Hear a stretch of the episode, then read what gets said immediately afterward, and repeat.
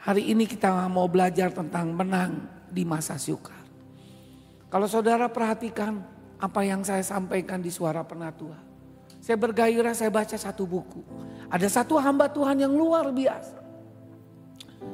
Pengalaman Ibrani 11 itu bukan hanya pengalaman pahlawan iman. Tapi itu juga pengalaman hidup kita. Amin. Amin saudaraku. Dan itu akan menjadi saksi yang seperti awan yang banyaknya. Bahkan ada seorang hamba Tuhan itu seperti stadion. Yang Pak Jokowi bilang dia akan bikin stadion sepak bola yang jumlahnya 500 ribu. Saya yakin stadionnya surga lebih banyak daripada itu. Amin. Tapi kursinya terisi, belum terisi. Dan saya pastikan semua jemaat IGKKDBP tidak ada yang ketinggalan menjadi pahlawan iman. Amin. Minggu depan kita belajar bagaimana teladan hidup Kristus yang luar biasa. Setia sampai akhir hidupnya. Dan yang terakhir nanti akhir bulan kita belajar tentang teladan pahlawan iman di Ibrani 11. Mari kita buka 2 Timotius 3 ayat 1. Ya,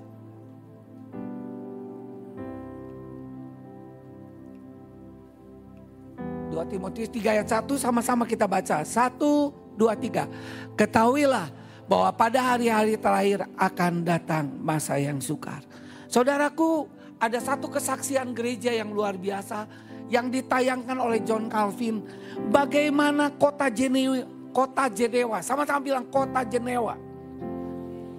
Yang Cheos itu menjadi kota yang tadinya kacau, tidak karu-karuan itu menjadi kota yang salah satu terkemuka dan nyaris sempurna di dunia ini bahkan sampai hari ini.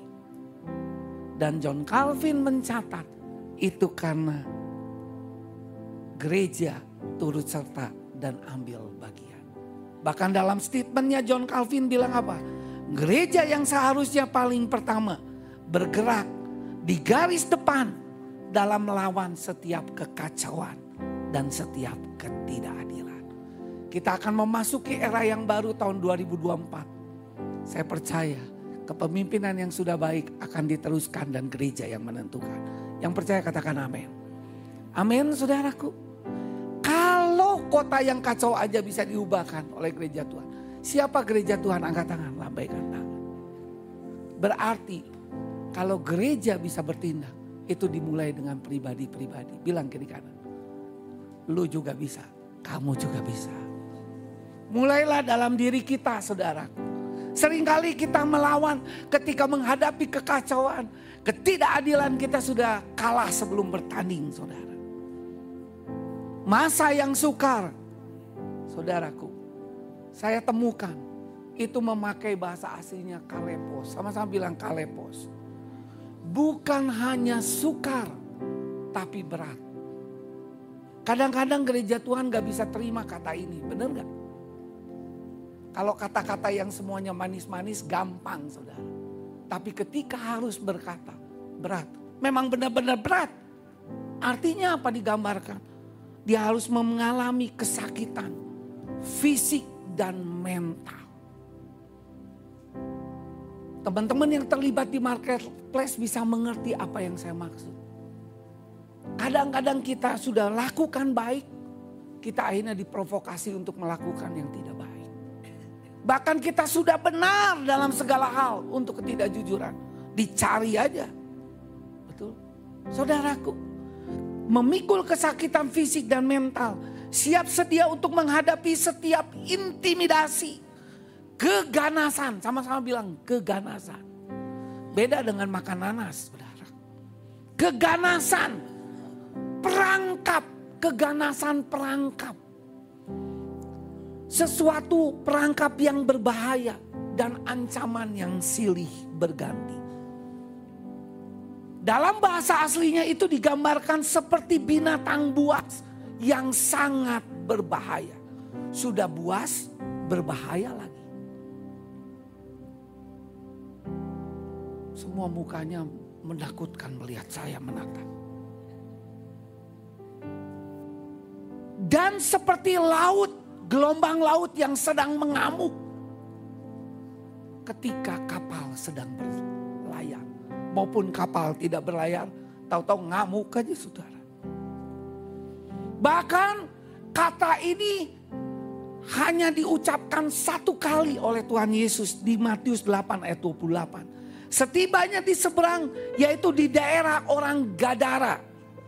Yaitu di daerah orang Gadara datanglah dari perkuburan dua orang yang kerasukan setan menemui Yesus. Mereka sangat berbahaya. Kata berbahaya itu memakai kata kalepos. Saking berbahayanya Injil menyatakan tidak ada seorang pun yang berani melalui jalan itu. Berarti dengan kata lain saudara. Engkau hidup di zaman ketika Paulus mengingatkan Timotius. Dan Tuhan sekarang juga mengingatkan Timotius yang sama. Yang berbeda betul.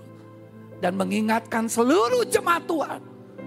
Timotius juga sebagai gembala yang muda, pemimpin yang muda. Itu takut, gentar. Dan Paulus menuliskan serat di tengah penjara. Dia bilang, engkau akan menghadapi masa yang suka. Yang tidak mudah Bahkan kalau bisa pilih, tidak mau ikut itu. Ada yang berdoa, cepat aja dipanggil pulang oleh Bapak di surga. Itu orang yang stres dan frustasi. Betul. Saudaraku yang kekasih. Bayangkan itu 2000 tahun yang apa? Yang lalu. Ketika Timotius hidup.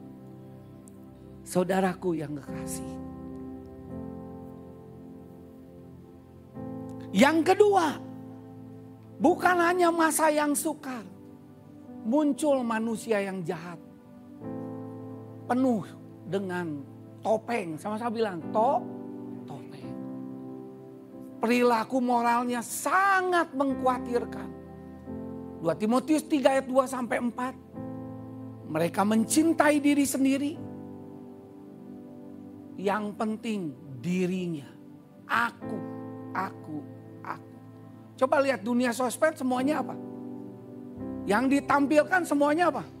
Sempurna. Tahu-tahu nipu, eh, Semuanya luar biasa. Menjadi hamba uang. Nggak peduli. Yang penting uang. Membual, wah jago. Menyombongkan diri. Luar biasa. Congkaknya. Udah congkak arogan lagi hidup lagi. Memfitnah saudara. Walaupun dia sudah tahu peribahasa katanya, katanya apa? Pemfitnah itu lebih kejam dari apa? Tapi terus berfitnah saudara. Sikut kiri kanan yang penting aku dapat jabatan dan sebagainya. Berontak terhadap orang tua. Enggak peduli. Baik di rumah maupun di gereja di mana pun. Enggak hormat lagi sama orang tua. Tidak tahu berterima kasih.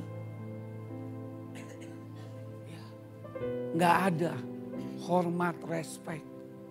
Nggak ada setting thank you, nuhun kamsia. Nggak ada. Yang penting aku dilayani. Itu mah sudah sewajarnya dia melakukan itu. Kan saya bayar. Pernah nggak ketika saudara membayar sesuatu ditolong kau bilang, terima kasih. Kan saya bayar, coba kalau nggak bayar. Dan tidak mempedulikan agama. Saudaraku, ini yang luar biasa. Perilaku yang mengerikan. Bahkan mereka hanya sekedar beragama, sekedar beribadah. Mereka juga ikut beribadah.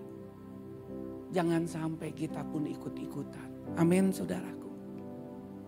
2 Timotius 3 ayat 5 sampai 7 bilang mereka menjalankan ibadah.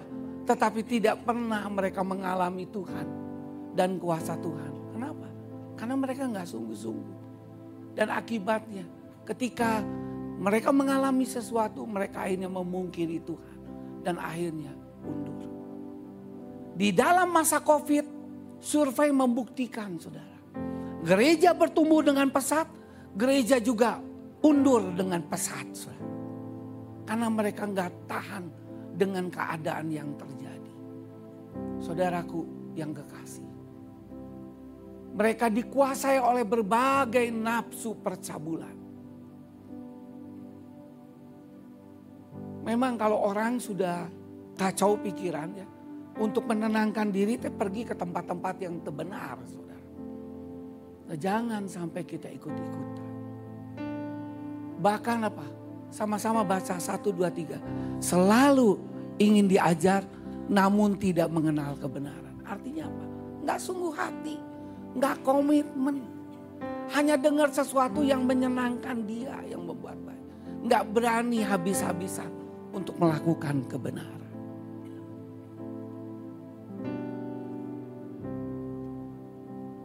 Kalau boleh cawan ini lalu dari apa? Tetapi kehendak Tuhanlah yang jadi. Itu bukan hanya pergumulan yang dialami oleh Tuhan Yesus. Itu yang pergumulan setiap hari kita lakukan. Jikalau kita mau mengikut Yesus, kita harus menyangkal diri dan memikul salib setiap hari.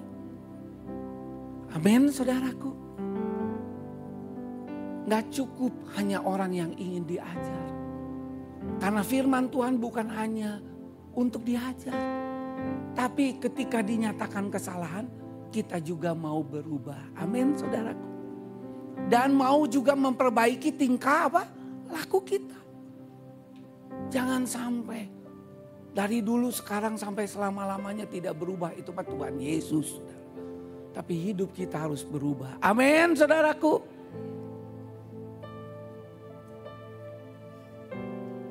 Saudaraku, harus nyata pembaruan budimu. Sehingga kita makin hari tidak mabuk oleh anggur dunia ini.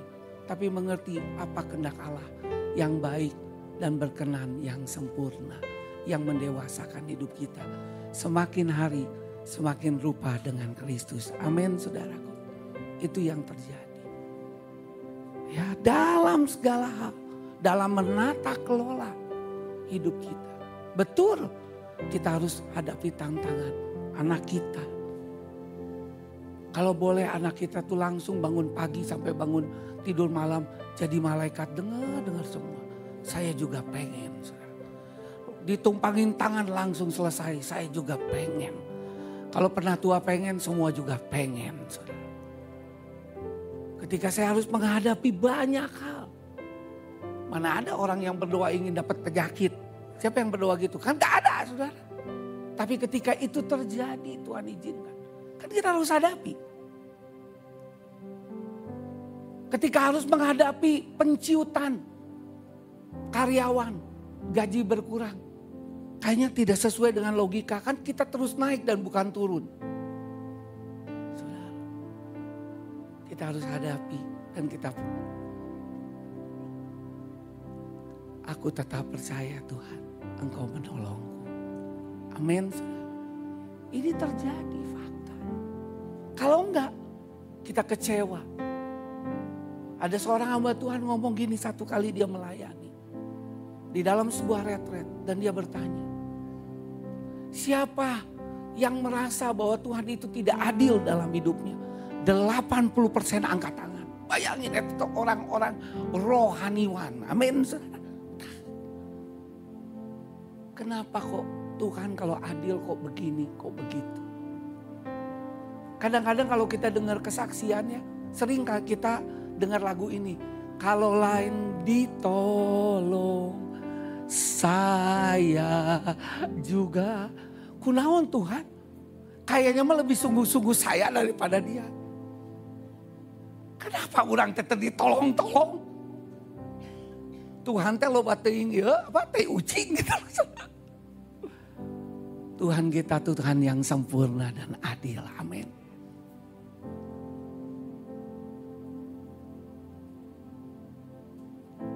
Ketika saya lihat anak saya keterima. Tapi banyak teman-teman yang gak terima. Itu Sampai anak saya bilang, dia lebih pandai dari saya. Lebih sungguh-sungguh. Berarti Tuhan pilih kasih? Enggak. Tuhan tahu yang terutama. Amin. Jangan bandingkan siapa pun. Bandingkan semuanya dengan penyertaan Tuhan yang sempurna. Yang percaya katakan amin. Kalau enggak kita akan kecewa. Di balik kesaksian yang bombatis. Tapi saudara pun dibom dengan intimidasi kalau enggak hati-hati. Saudaraku, itu yang terjadi. Sampai akhirnya dia pun tidak mau memberi kesaksian yang lain kecuali hal yang lain. Dan akhirnya kami berdoa bersama-sama supaya teman-temannya juga mengalami perjumpaan dengan Tuhan. Dan akhirnya kami melihat tangan Tuhan yang sempurna, yang ajaib. Dan akhirnya dia masuk secara ajaib dan ada rencana Tuhan. Bahkan ada yang mengalami betul-betul 100% empat tahun tanpa bayar berarti mendapatkan beasiswa. Beri kemuliaan bagi Tuhan. Jalanku, rencanaku, rancanganku bukan jalannya Tuhan. Amin.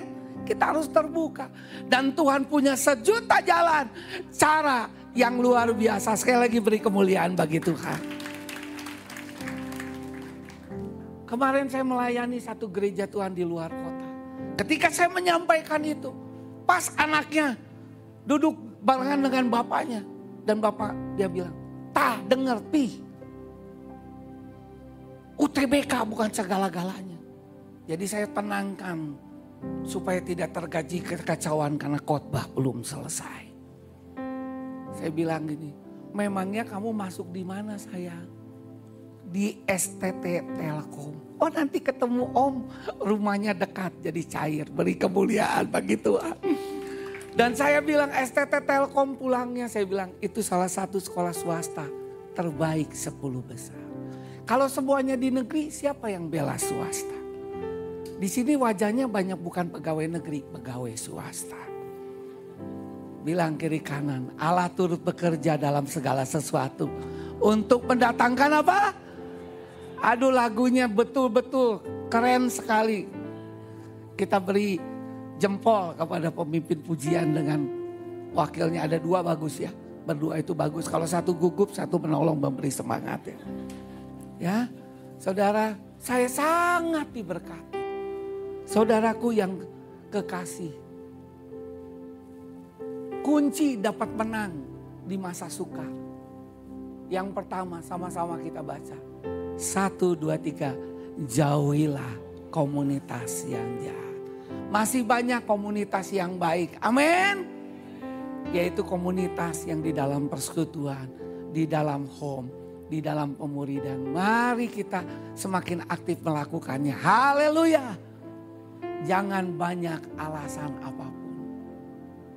Ya, kalau diajak pembimbingnya langsung tulis, cepat tulis. Sama-sama bilang haleluya.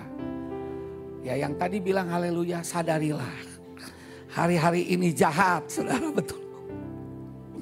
Saudara, sama-sama kita baca 1 Korintus 15 ayat 33 sampai 34. 1, 2, 3. Janganlah kamu sesat. Pergaulan yang buruk merusakkan kebiasaan yang baik. Sadarlah kembali sebalik-baiknya. Dan jangan berbuat dosa lagi. Ada di antara kamu yang tidak mengenal Allah. Hal ini kukatakan supaya kamu apa? Bilang kiri kanan boga era tuh. Punya rasa malu. Budaya malu. Amin. Saya ingat sekali ketika saya mimpin sebuah sekolah ketika jadi kepala sekolah. Saya lakukan agen of change. Tujuannya budaya malu. Malu untuk terlambat. Malu untuk tidak disiplin. Malu nggak bikin tugas. Malu kalau guru-guru malu nggak ngumpulin RPP pada waktunya. Sekolah sudah mulai, RPP baru dimulai. Untung muridnya tidak tahu. Kalau tahu terjadi kegawatan di sekolah. Betul. Ya itu yang terjadi saudara. Supaya kita punya budaya malu. Yang pertama, janganlah kamu se sesat. Dia ngomong kepada siapa? Kepada jemaat Tuhan. Bukan kepada jemaat di luar Tuhan. Yang pertama, supaya kita memiliki atmosfer budaya malu. Yang pertama, jangan kamu apa? Sesat. Dan lebih bahaya lagi menyesatkan orang. Yang pertama janganlah kamu sesat. Apa yang sering menyesatkan kita? Pergaulan yang buruk sama-sama kita katakan merusakan. Merusakan kebiasaan yang baik. Lama-lama akhirnya terdegradasi. Kebiasaan kita yang baik. Cara hidup yang baik. Yang kedua adalah jangan kita sesat. Yang kedua apa? Sadarlah kembali. Ayo bangun awareness. Sadar kembali sebaik-baiknya. Dan jangan yang ketiga berbuat dosa lah. Memang bulu yang patah terkulai tidak akan dipatahkan. Sumbu yang pudar nyalanya tidak akan dipadamkan. Tapi ada satu ayat lagi. Jangan kamu se. Apa yang kamu tabur akan apa kamu Tuhan. Biarlah ketika ngalami pendidikan Tuhan setia.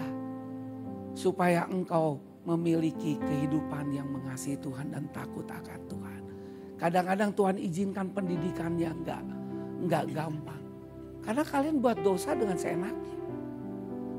Terimalah pendidikan itu. Tapi percaya Tuhan senang. Jangan anggap enteng segala didikan. Justru di saat itulah mungkin mengalami duka cita. Tapi akhirnya akan mengalami sebuah pemulihan dalam hidup yang sampai ke dalam kekekalan. Bilang haleluya. Aku mau itu Tuhan. Yang ketiga, jangan berbuat dosa lagi. Ada di antara kamu yang tidak mengenal Allah. Mungkin keluarga kita, mungkin teman kantor kita, teman sekolah kita, tetangga kita. Mereka akan lihat semuanya apa yang ada dalam hidup kita. Kita sudah belajar bulan lalu kita adalah suratan yang apa terbu terbuka. Mungkin dulu surat sekarang WA yang terbuka, betul. Itu dulu eh, betul karena apa saudara? Semua medsos yang terbuka. Saya sebagai para pena, sebagai hamba Tuhan mengingatkan. Tolong ya, kalau lagi jengkel dengan suami tolong jangan dimasukkan ke dalam apa? Medsos Jengkel dengan tukang sayur juga dimasukin. Semua 24 jam kehidupan itu. Sehingga saya lihat, aduh terkira-kira ya belum tidur sampai jam sekarang. Ada seorang hamba Tuhan mengingatkan saya, Kotim kalau ingin tahu jemaat kondisi yang sesungguhnya, itu Kotim harus ikut di medsos. Saya dulu nggak pernah ikut medsos gara-gara tahun 2016 sering pergi ke pulau-pulau kan. Ya, kadang mau ke pulau Papua, lama di pulau Bali atau lama di Makassar. Tidur nanti takut gak bangun silahkan ketinggalan. Betul gak saudara? Mas, apa yang terjadi? Saya mulailah ikut yang namanya medsos Facebook ya. Hari-hari ini mulai Instagram. Saya mulai perhatiin. Nah pas jam-jam Anda tidur, saya ada di Makassar teh nggak tidur. Udah doa ya, terus mulai. Saya perhatiin. Isinya tuh kayak begitu. Pada Filipi 4 ayat 8 bilang apa? Semua yang baik, yang sedap didengar, yang sedap dilihat. Berarti itu kan semua. Tolong, maaf ya, jangan tersinggung. Saya tidak ada maksud apa-apa. Sama-sama bilang haleluya. Sehingga nanti seluruh dunia tahu bahwa dia lagi marahan dengan dengan anak, dengan apa. Bahkan dengan bosnya juga, waduh. Dan nanti walaupun kau nggak tulisnya jelas, orang jadi akhirnya berasumsi aneh-aneh dengan pernyataan. Sebutin firman Tuhan. Walaupun masa sukar, aku dapat tadi di GKKD, di BTC. Tuhan menolongku. Kan keren gak saudara? Amin. Lewat itu nanti ada orang yang bilang, kenapa sih kamu ngalami ini ini? Akhirnya orang yang belum kenal Kristus di grup kita akhirnya kenal Kristus lewat tayangan itu. Ya saudaraku, 2 Timotius 3 ayat 6 bilang, sebab di antara mereka terdapat orang-orang yang menyelundup ke rumah orang lain dan menjerat perempuan-perempuan lemah yang syarat dengan dosa dan dikuasai oleh berbagai nafsu. Menyelundup itu digambarkan seperti apa? Operasi militer. Jadi nggak main-main. Kita harus pastikan komunitas kita adalah komunitas yang sehat. Termasuk anak-anak kita. Amin saudara. Karena itu saya mengajak. Ke rumah orang lain. Artinya apa? Ini sedang menerjang keluarga-keluarga. Dan dia tahu saat yang tepat. Untuk apa? Menjerat, menipu, membisik dengan cara yang halus. Seperti cici hawa, akhirnya kena hawa nafsu. Bujukan ular. Benar-benar aliran li, licik, lihai, dan likiat. Saudara. Betul? Saya nggak ngomong sembarangan loh, dalam bahasa aslinya begitu. Yang syarat dengan apa? Yang menjerat perempuan-perempuan apa? Saya bertanya kenapa kok nggak laki-laki? Puji Tuhan yang anaknya di rumah ada anak perempuan angkat tangan. Saya cuma satu laki-lakinya. Bilang sama-sama haleluya. Perhatikan perempuan. Menjerat perempuan lemah. Pastikan perempuan yang ada di rumah kita adalah perempuan yang kuat. Amin. Saking kuatnya akhirnya diajak ke Lembang kemarin. Tepuk tangan saudara. Aduh bilang haleluya. Nanti lain kali ibu-ibu yang gak ikut prioritaskan. Bilang sama-sama haleluya. Memang kadang-kadang BBWU ya berbagai belantara waktu dan urusan. Betul. Sama-sama bilang BBWU. Berbagai belantara waktu dan urusan. Betul. Yang syarat dengan dosa dan dikuasai berbagai nafsu. Sekali lagi, lemah dalam apa saudara?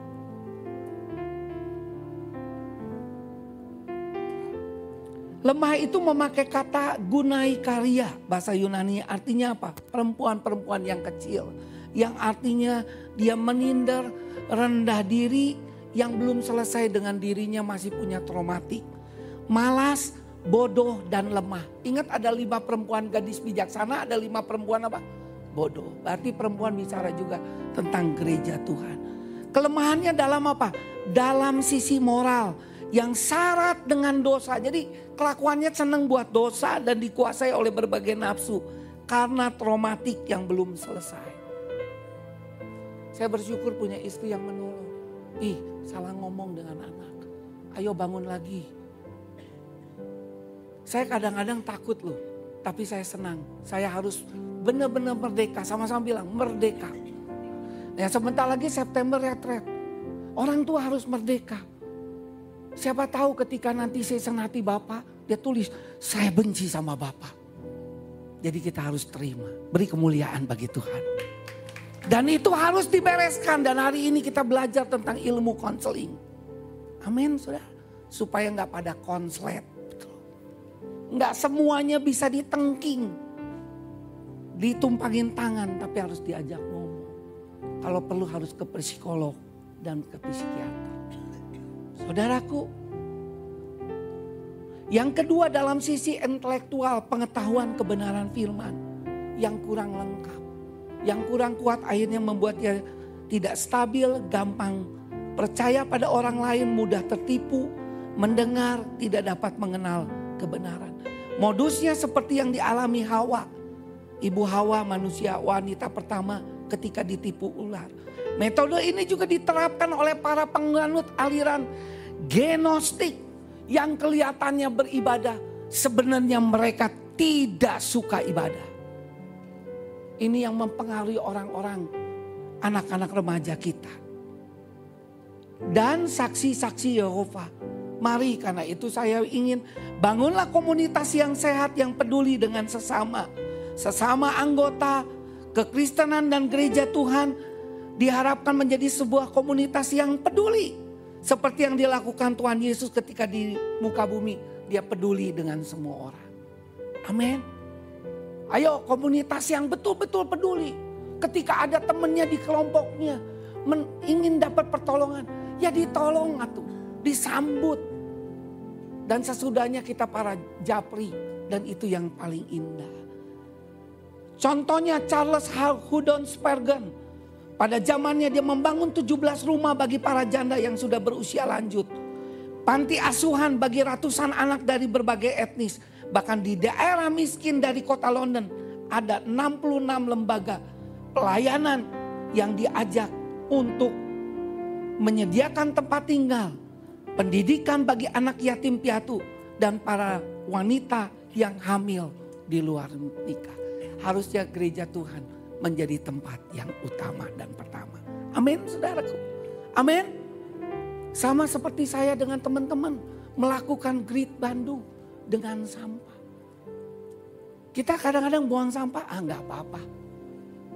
Coba kalau nggak apa-apanya satu juta, sampahnya jadi satu juta. Dan hari ini masalah terbesar. Saudaraku yang kekasih. Ketika saya ngomongin sampah, langsung camat itu langsung bilang gini. Waduh, kebetulan sekali Pak Tim datang. Bisa nggak Pak Tim dengan teman-teman tolong beliin mesin sampah yang ada di China. Oh saya bukan begitu bu. Aliran saya aliran bukan kasih mengasih. Aliran edukasi. Sama-sama bilang apa? Edukasi betul. Berat saudara. Disangkanya muka saya muka miliarder.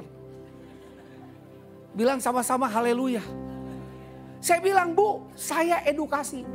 Saya nanti akan panggil bos sampah. Ada di gereja saya. Oh ada ya Pak Tim bos sampah. Dia jagoan persampahan saya akan panggil inisialnya D. Carilah saudara sendiri betul. Tapi saya nggak mau ketika nanti dia datang, ibu tidak ada. Maaf ya bu, dia orang sibuk.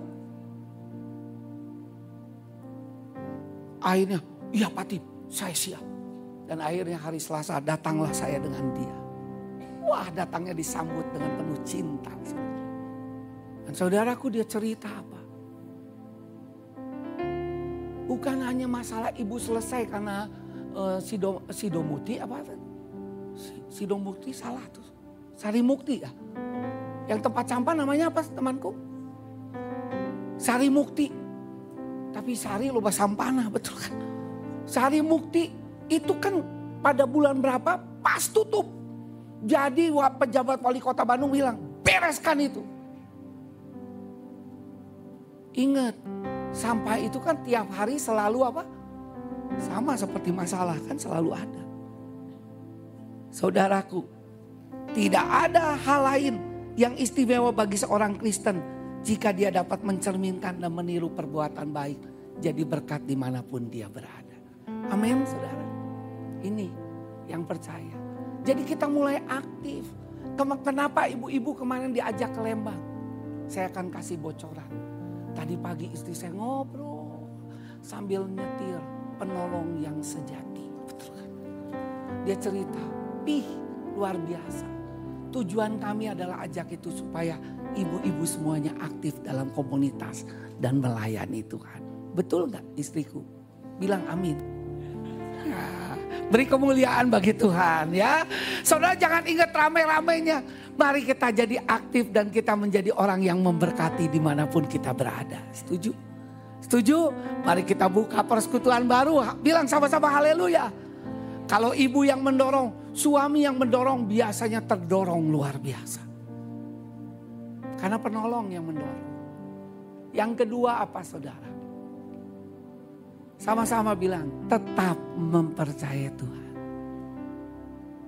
Dia mem jagaiku.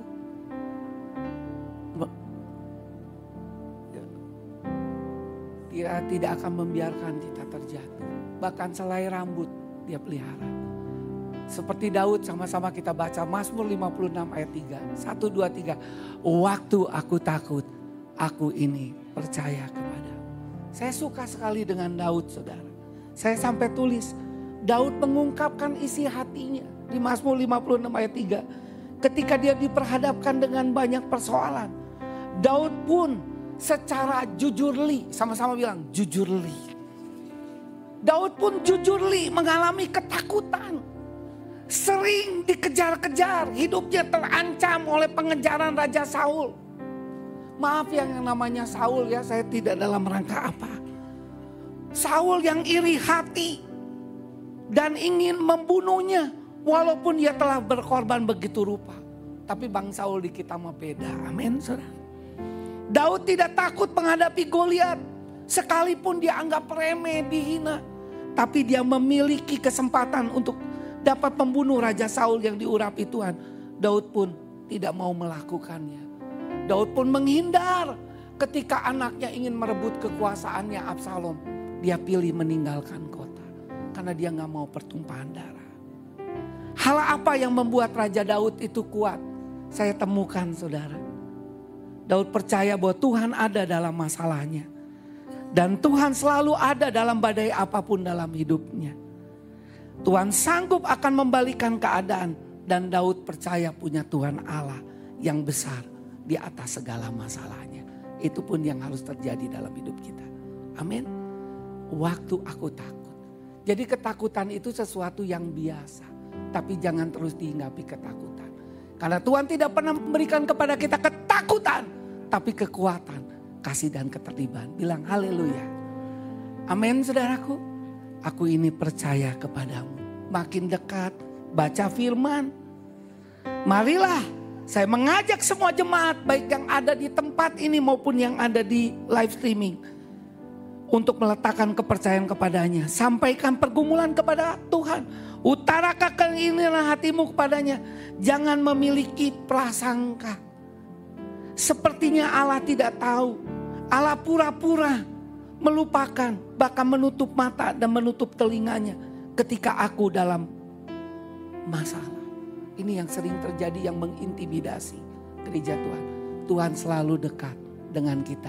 Dia adalah gembalaku. Tuhan adalah gembalaku dan kita tidak akan kekurangan apa pun. Amin. Amin saudaraku. Ya, Istri kalau lihat suami goyah, dikuatkan. Jangan dikeluarkan semua dosa keluar dari A sampai Z dan kelemahan. Demikian juga suami juga jangan mengeluarkan A sampai Z. Gereja kita tuh gereja yang penuh dengan firman. Jadi ributnya juga penuh dengan firman. Mari percaya merupakan kunci utama untuk dapat membuka pintu keluar dari masalah Anda dia akan membuat segala sesuatu indah pada waktunya. Yang terakhir, yang ketiga, tetap lakukan yang terbaik. Do the best you can do. Amin. Amin, saudaraku. Lakukan yang terbaik yang bisa kita lakukan. Ya, dalam kesulitan apa pun, saya pernah ngalami. Sampai saya pernah seorang guru ketika istri saya harus berhenti bekerja karena ngurus anak saya harus kerja serabutan. Sampai saya nggak pernah kepikir menjadi agen asuransi. Coba lihat cocok gak agen asuransi? Dan hanya kuat dua bulan setengah. Semua yang diajak sama saya saya nggak ngerti. Tapi benar-benar ada kemurahan Tuhan. Semuanya closing. Sesudah itu ditanya lagi saya nggak ngerti. Betul. Dan akhirnya cepat-cepat memang habitat saya adalah guru. Sama-sama bilang habitat saya adalah apa? Guru. Kan anak kudu dikasih susu. Anak kan harus ikut dikasih vaksin. Dulu belum ada BPJS. Yang ada janji surga. Amin. Saudaraku. 1 Timotius 4 ayat 10. Itulah sebabnya kita berjeri lelah dan berjuang. Karena kita menaruh pengharapan kita pada Allah. Yang hidup juru selamat. Ya. Pengharapan salib Kristus yang luar biasa. Amin. Karena kita menaruh pengharapan kita pada Allah yang hidup juru selamat. Semua manusia terutama mereka yang percaya. Haleluya. Bilang haleluya.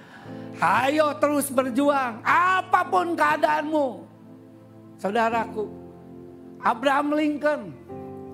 Presiden Amerika Serikat ke-16 dan negarawan besar yang pantang untuk menyerah.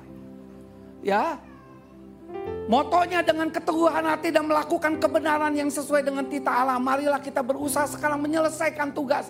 Menyembuhkan luka bangsa. Dia punya cita-cita dari muda. Dia ingin menghapuskan perbudakan di Amerika Serikat. Sebelas kali dia gagal. Baru ke-12 kali. Dia gagal menjadi anggota kongres, anggota senat, anggota parlemen. Dia dilecehkan bahkan sampai satu kali ketika dia gagal istrinya meninggal dunia. Sampai dia harus dikirim ke rumah sakit jiwa. Sama-sama bilang rumah sakit apa? Jiwa. Dan akhirnya tidak jadi. Dan akhirnya ketika ke-12 Partai Republik menggait dia untuk menjadi calon presiden dan dia terpilih. Beri kemuliaan bagi Tuhan. Haleluya. Dan saudara tahu, eh maaf, di kota ibu kota Washington DC, di situlah ada patung Abraham Lincoln yang tertulis dia tidak pernah menyerah dalam. Ku tak akan menyerah apa pun juga. Segala perkara dapat ku tangguh di dalam dia yang memberi kekuatan. Amin saudara. Bill Gates sama-sama bilang kesabaran adalah kunci kesuksesan. Orang yang mengundurkan diri tidak mendapatkan apa-apa. Thomas Alva Edison, sama-sama baca 1, 2, 3. Banyak kegagalan dalam hidup. Seringkali mereka tidak menyadari betapa dekat dengan keberhasilan pada saat mereka menyerah. Saya rindu sekali semuanya maju. Seluruh umat Tuhan GKKD Bandung Pusat tunjukkan pesonamu dengan Tuhan yang luar biasa. Amin. Jangan kalah dengan keadaan apa pun. Hidup apa pun Percayalah Tuhan selalu bersama dengan kita. Amin. Keberhasilan menjadi milik saudara. Sehingga banyak kesaksian saudara yang luar biasa dalam hidup saudara. Tuhan Yesus memberkati kita